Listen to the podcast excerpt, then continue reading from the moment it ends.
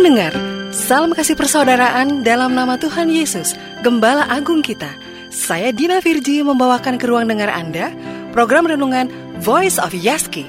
Program kebenaran yang menguatkan dan menghiburkan untuk Anda memulai hari ini dengan takut akan Tuhan. Kali ini Voice of Yaski hadir bersama Pendeta Wilson Suwanto. Selamat menikmati berkat Tuhan.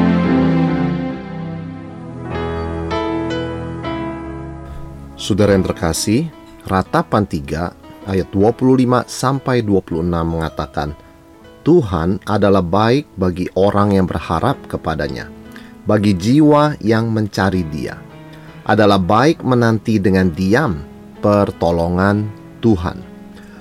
Firman Tuhan mengingatkan kita bahwa baik adanya orang yang menantikan Tuhan. Kita tidak suka menunggu kita tidak suka menanti, tetapi kita tahu bahwa dalam hidup ini, dalam banyak hal yang baik, kita harus belajar sabar menunggu atau menanti. Dan dikatakan bahwa Tuhan akan menyatakan kebaikannya kepada orang yang menantikan dia. Di ratapan 3 ayat 25 tadi dikatakan Tuhan adalah baik bagi orang yang berharap kepadanya, yang menantikan dia, yang berharap kepadanya, bagi jiwa yang mencari Dia, Tuhan adalah baik. Dengan kata lain, ada sebuah janji dari Tuhan bahwa barang siapa yang menantikan Tuhan akan mengalami kebaikan Tuhan, akan menikmati segala kebaikan dan berkatnya. Dan ini adalah prinsip firman Tuhan, ini adalah janji, dan mengapa Tuhan memberkati orang-orang yang menantikan Dia kita melihat orang yang menantikan Tuhan akan secara dengan sendirinya menjaga kemurnian dirinya. Orang yang menantikan Tuhan akan menjaga kemurnian dirinya. Kita ingat Simeon yang sudah menantikan penggenapan janji Tuhan begitu lama, kira-kira usia dia 100 tahun lebih, 113 tahun, pada waktu itu. Dan apa yang dia lakukan selama masa penantian itu dia menjaga dirinya dia menjaga hatinya dia menjaga hidupnya dia memelihara kemurnian hatinya. Karena penantiannya hanya ada pada Tuhan. Dengan kata lain orang yang menantikan Tuhan menjaga kemurnian hatinya menjaga tutur katanya menjaga sikapnya dan sebagainya Misalnya, kita bekerja di sebuah perusahaan yang besar, dan kita ini adalah seorang yang bekerja di dalam level yang cukup bawah karena kita baru masuk dan kita masih junior. Tiba-tiba, setelah berjalan sekian lama kita bekerja, kita mendapat panggilan dari atasan yang cukup tinggi dalam struktur perusahaan tersebut. Kita disuruh ke kantornya jam 1 siang Bayangkan ketika kita mendengar berita itu, saya yakin kita akan datang jauh sebelum jam satu. Kita akan menantikan dengan sabar. Demikian pula, kalaupun atasan tersebut telat datangnya, mungkin dia datang jam 1.15 atau 1.30, kita juga akan sabar menantikannya. Dan saya yakin kita akan menantikan pertemuan dengan atasan tersebut dengan sikap yang sopan, tidak sembarangan. Kita tidak mungkin menantikan pertemuan dengan dia dengan sikap uh, berbaring di sofa dan sikap-sikap santai seperti itu. Orang yang menantikan seseorang akan secara otomatis menjaga sikapnya ketika dia menghormati yang dia nantikan, dia akan menjaga sikapnya, dia akan menantikan dengan sabar. Demikian pula kita bayangkan kalau kita mendapat kesempatan mengunjungi seorang pejabat negara dan kita diberikan waktu istimewa boleh berbicara dengan dia empat mata. Kita akan menanti dengan sabar di ruang tunggu. Kita tidak akan komplain, kita tidak akan mengeluh kalau ada keterlambatan 15 sampai 30 menit. Dia baru datang. Karena kita tahu ini adalah pertemuan yang berharga dan kita rela menanti. Bayangkan kalau kepada manusia, manusia biasa yang sekalipun adalah seorang atasan yang tinggi posisinya atau seorang pejabat negara, kita menunjukkan sikap demikian hormat, demikian sabar, demikian kita menanti dengan baik. Apalagi kepada Tuhan yang tidak pernah mengecewakan kita, yang selalu menepati janjinya, yang selalu siap menolong kita dan mendengarkan segala doa kita. Meskipun dia tahu kita penuh dengan kekurangan, tetapi dia mendengarkan seruan doa kita dan menjawabnya dengan memberikan yang terbaik sesuai dengan kehendaknya. Jadi orang yang menantikan pertolongan Tuhan, orang yang menantikan jawaban doa, orang yang menantikan kedatangan Yesus kedua kali, dengan kata lain orang yang menantikan Tuhan dengan sabar akan menjaga kemurnian hatinya. Di dalam firman Tuhan dalam 1 Yohanes 3 ayat 3 dikatakan, setiap orang yang menaruh pengharapan itu kepadanya menyucikan diri sama seperti dia yang adalah suci. Kita lihat orang yang menantikan Tuhan, menantikan kedatangan Yesus kedua kali, percaya dan pasti bahwa Kristus akan datang, keadilan Tuhan akan ditegakkan, kasih Tuhan akan dinyatakan, segala kebenaran akan dinyatakan. Dia akan menjaga dirinya. Dia akan menjaga tutur katanya karena dia tahu yang benar akan dinyatakan, yang salah juga akan dinyatakan. Dengan kata lain, dia akan menjaga kemurnian hatinya. Dia akan menjaga kemurnian tutur katanya karena dia tahu Tuhan akan datang dan Tuhan akan membukakan semuanya dan Tuhan tahu segala sesuatu. Itu sebabnya entah berapa lama lagi Yesus Kristus baru akan datang yang kedua kali, itu tidak penting bagi kita yang paling penting kita selalu punya sikap menantikan dia. Karena dari penantian ini muncul pengharapan yang pasti berdasarkan janji Tuhan.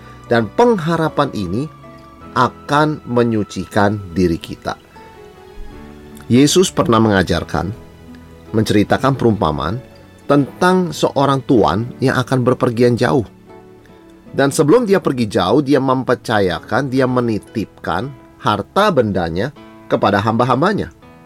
Dan dia tidak bilang, dia tidak katakan kepada hamba-hambanya kapan dia akan kembali.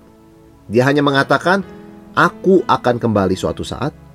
Dan ini segala yang kamu perlu kerjakan selama aku belum kembali. Nanti ketika aku kembali, aku akan menilai. Aku akan menilai bagaimana kerja kalian. Pergilah tuan itu kemudian lama tidak kembali. Ada hamba-hamba yang dengan setia tetap mengerjakan tugas yang tuannya percayakan. Tetapi ada satu hamba yang berpikir, sudah sekian lama tuan tidak kembali. Jangan-jangan dia meninggal di negeri orang, jangan-jangan dia tidak akan kembali, jangan-jangan dia mempermainkan kita. Dengan kata lain, hamba ini mulai meragukan akan tuannya dia mulai tidak percaya, dia mulai mencurigai, sampai pada akhirnya dia menyerah. Tuannya tidak akan kembali, tuannya sudah meninggal di negeri orang, tuannya tidak peduli dengan apa yang sudah dipercayakan, maka hamba ini memutuskan untuk tidak lagi mengerjakan tugasnya dengan setia.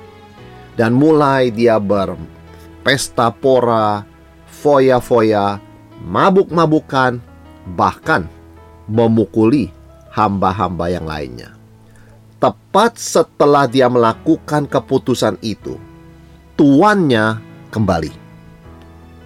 Dia sangat terkejut karena tuannya kembali dan mengatakan, "Saya minta pertanggungjawaban hidup kalian. Saya minta pertanggungjawaban pekerjaan kalian." Hamba-hamba yang lain bisa memberikan pertanggungan jawab ini yang Tuhan percayakan, sekarang sudah saya kembangkan hasilnya.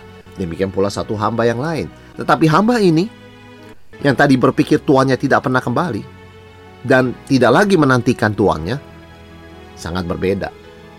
Dia tidak bisa mempresentasikan, mempersembahkan apa pun, karena dia memang tidak mengerjakan apa-apa. Karena pikirannya adalah tuannya tidak akan kembali. Maka hamba ini dihukum oleh tuannya. Melalui perumpamaan ini, Yesus ingin mengingatkan kita, semua orang Kristen yang sejati sedang menanti, menanti kedatangan Yesus yang kedua kali. Yang terpenting bukan kapan Tuhan Yesus datangnya, karena itu adalah rahasia yang hanya Bapa di sorga yang tahu. Tapi yang paling penting adalah sikap menanti. Karena ketika kita menantikan Tuhan, kita sedang dimurnikan oleh pengharapan itu sehingga kita tidak berkata seenaknya, kita tidak berbuat seenaknya, kita tidak berpikir seenaknya. Karena kita tahu hari yang mulia itu cepat atau lambat akan datang. Jadi jangan melihat waktu menunggu itu semacam buang-buang waktu. Di dalam Kristus, waktu menunggu adalah waktu yang berharga yang Tuhan berikan supaya kita boleh mengerjakan talenta yang Tuhan titipkan kepada kita. Semakin banyak waktu Tuhan berikan kepada kita, semakin panjang umur diizinkannya kita oleh Tuhan, seharusnya membuat kita semakin bersyukur, semakin sungguh-sungguh, karena artinya Tuhan mau kita mengerjakan yang terbaik. Sebelum kita boleh menghadap Dia dan mempersembahkan hasil pekerjaan kita bagi kemuliaan namanya. Dan waktu yang panjang ini bagi seorang Kristen, waktu penantian yang panjang bukan diisi hanya sekedar dengan tindakan menanti dan tidak berbuat apa-apa. Yang dimaksud dengan menantikan Tuhan adalah melakukan perintahnya dengan setia, adalah mengembangkan talenta yang Tuhan percayakan, dan diubahkan dari segala kelemahan kita, sehingga kita sedikit demi sedikit, perlahan tapi pasti lebih serupa dengan Tuhan Yesus. Waktu yang lama ini Tuhan berikan di dunia supaya kita boleh berubah. Kita dipersiapkan untuk kerajaan sorga dan Tuhan mempersiapkan kita di dunia ini sehingga satu hari lewat, satu tahun lewat, tahun demi tahun, hari demi hari kita lebih mirip dengan Tuhan Yesus. Karena dengan Yesuslah kita akan menghabiskan kekekalan di sorga sana. Itu sebabnya kita sedang diproses, kita dipersiapkan, kita diubah, dan kita diperbarui oleh Tuhan setiap hari. Dan ini artinya menantikan Tuhan. Menantikan Tuhan bukanlah menganggur, menantikan Tuhan bukanlah diam-diam saja, menantikan Tuhan bukanlah tunggu mati. Menantikan Tuhan adalah menantikan dengan sikap yang aktif.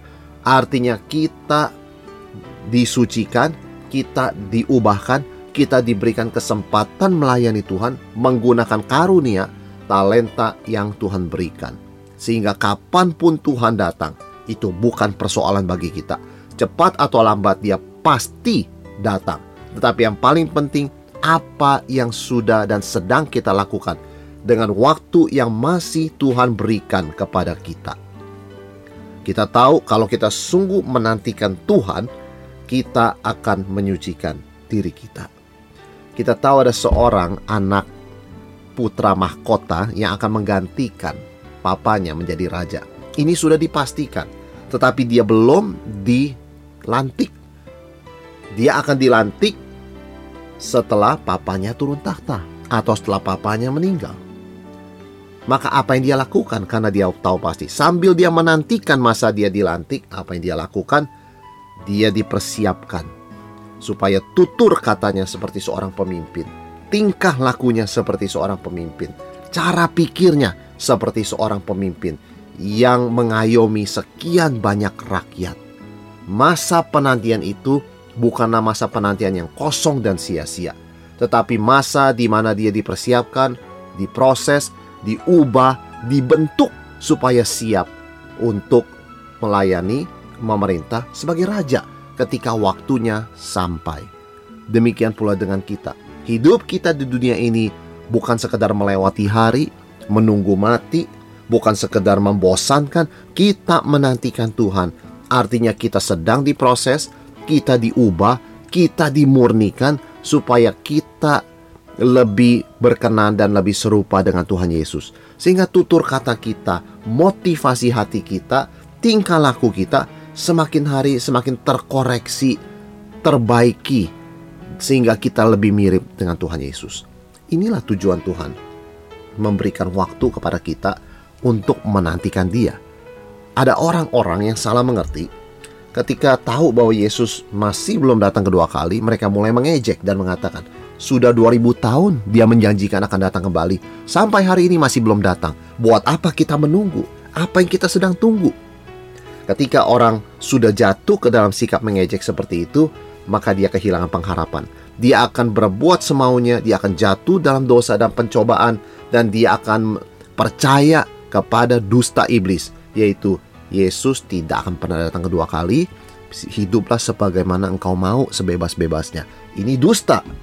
Tetapi kalau kita tetap tekun menantikan Tuhan Yesus, kita percaya dia akan datang kedua kali, kapan pun waktunya, maka saat yang sama Roh Kudus akan memurnikan kita dengan pengharapan yang mulia ini sehingga kita satu hari lewat demi satu hari akan menjadi lebih serupa dengan Tuhan kita Yesus Kristus.